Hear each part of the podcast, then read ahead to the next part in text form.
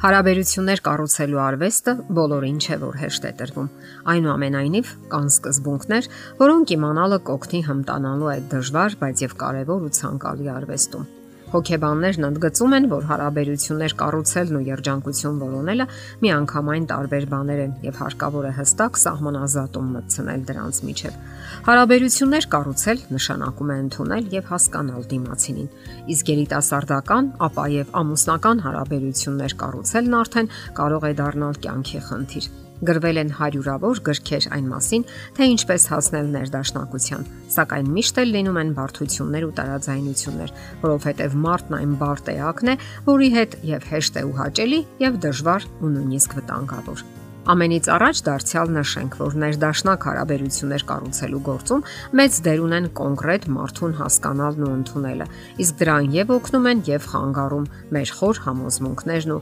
կապվածության ոճը, իսկ առանցքային դերը պատկանում է հենց ըմբռնմանը։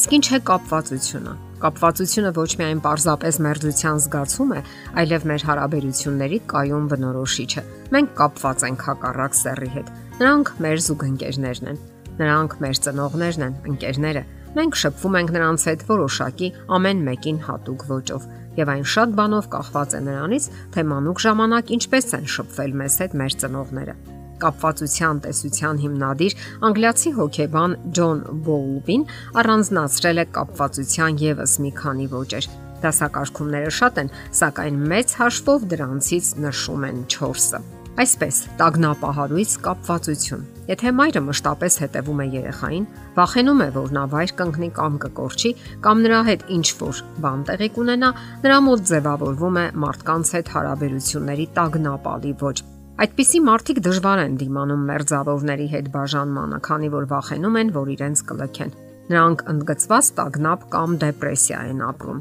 Հաջորդը անվտանգ կապվածություն Երբ մայրը մեծամասամբ երեխայի կողքին է, մխիթարում է նրան եւ հասկանում, թե երբ պետք է կերակրել, հագցնել կամ փոխել հագուստները, նրա մեջ անվտանգ, այսինքն բնականon կապվածություն է ձևավորվում։ Նույնիսկ մտնելով հարաբերությունների մեջ, կապվածության նման ոչ ունեցող մարդը դիմանում է սիրելի անznավորության հետ ոչ միայն բաժանմանը, այլև հարաբերությունների խզմանը նա կարող է ուժեղ ապրումներ ունենալ, վշտանալ, սակայն ի վերջո հաղթահարում է դրանք եւ կարգավորում իր հոգեկան աշխարհը։ Հաջորդը խուսափողական կապվածությունն է։ Այս դեպքում մարդը խոր, մերձ կապվածություն չի ստեղծում եւ տարածություն է պահպանում։ Տարբեր մարդկանց մոտ այն տարբեր կերպ է դրսևորվում։ Ինչ որ մեկը parzapes դուրս չի գալիս իր սենյակից եւ ժամանակ է անցկացնում համակարգչի հետ։ Ինչ որ մեկն էլ կարող է շատ զուգընկերներ ունենալ, սակայն նրանցից ոչ մեկի հետ երկար հարաբերություններ չի պահպանում։ Նման մարդը հիշում է, թե որքան հաճախ են մանուկ ժամանակ իրեն միայնակ թողել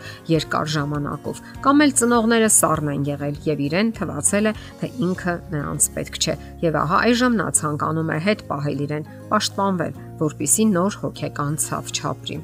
տարբեր ոճերի կապվածություն։ Այս դեպքում մարդը կարող է ուժեղ կապվածություն ունենալ, իսկ ահա արագ ու կտրուկ հեռացնել այն։ Հետագայում նա զղջում է դրա համար եւ ձգտում հետ վերադարձնել անկերոջը։ Դրանից հետո նա նորից վանում է իրենից եւ այդպես շարունակ եւ կախարդական շրջանը շարունակվում է։ Իսկ ոմանք էլ ունենում են կապվածության անվտանգ ոչ։ Այդպիսիք քիչ են մտածում հարաբերությունների մասին։ Նրանք զբաղված են տարբեր գործունեությամբ աշխատանք, ճանապարհորդություն, ստեղծագործական կյանք։ Այս ոճերից բացի մնացած դեպքերում մարդու կյանքը վերածվում է հարաբերությունների անverջ որոնումների եւ նա անընդհատ այդ մասին է մտածում։ Կարևոր է իմանալ նաև թե ինչ դեր ու նշանակություն ունեն կայուն հարաբերությունները։ Դրանք հուզական վստահություն են ապահովում։ Երիտասարդն այլևս չի մտածում, որ կարող է տանը մնալ։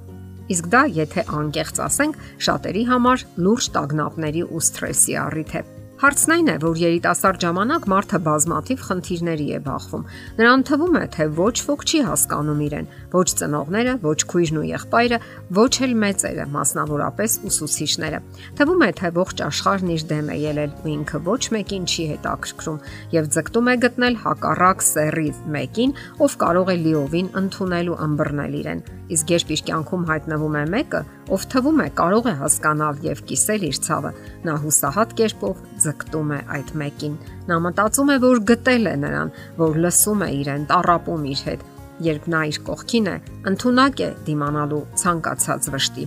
Ընդհանուր առմամբ բոլոր հարաբերությունների հիմքում այն մղումն է, որ ինչ որ մեկի առանձնահատուկ ուշադրությունը, հատուկ կապվածությունը ամենակարևորն է կյանքում եւ բոլորն են ձգտում դրան։ Դա է տևական հարաբերությունների հիմքում, երբ արկա է փոխադարձ վստահության ու պատասխանատվության մտնոլորտը։ Իսկ դա արմատապես փոխում է, ամրապնդում է սեփական կարևորության զգացումը։ Այնինչ նախկինում երիտասարդը չէր էլ համարցակվում անել, հիմա բնական է դառնում իր համար։ Գիտակցումն այն բանի, որ դուք ինչ որ մեկին պետք եք ու սիրված եք, հրաշքներ է գործում։ Շատերի համար դա ոգեշնչվածության ու երանդի աղբյուր է եւ մղում է հաջողությունների ու բարձունքների անգամ հասարակական կյանքում։ Ահա թե ինչու բոլորովին էլ վերջին տեղում չէ այդ դժվար արվեստը՝ հարաբերություններ կառուցելու հմտությունը։ Եթերում է ճանապարհ երկուսով հաղորդաշարը։ Ձեզ հետ է Գեղեցիկ Մարտիրոսյանը։ Հարցերի եւ առաջարկությունների համար զանգահարել 033 87 87 87 հեռախոսահամարով։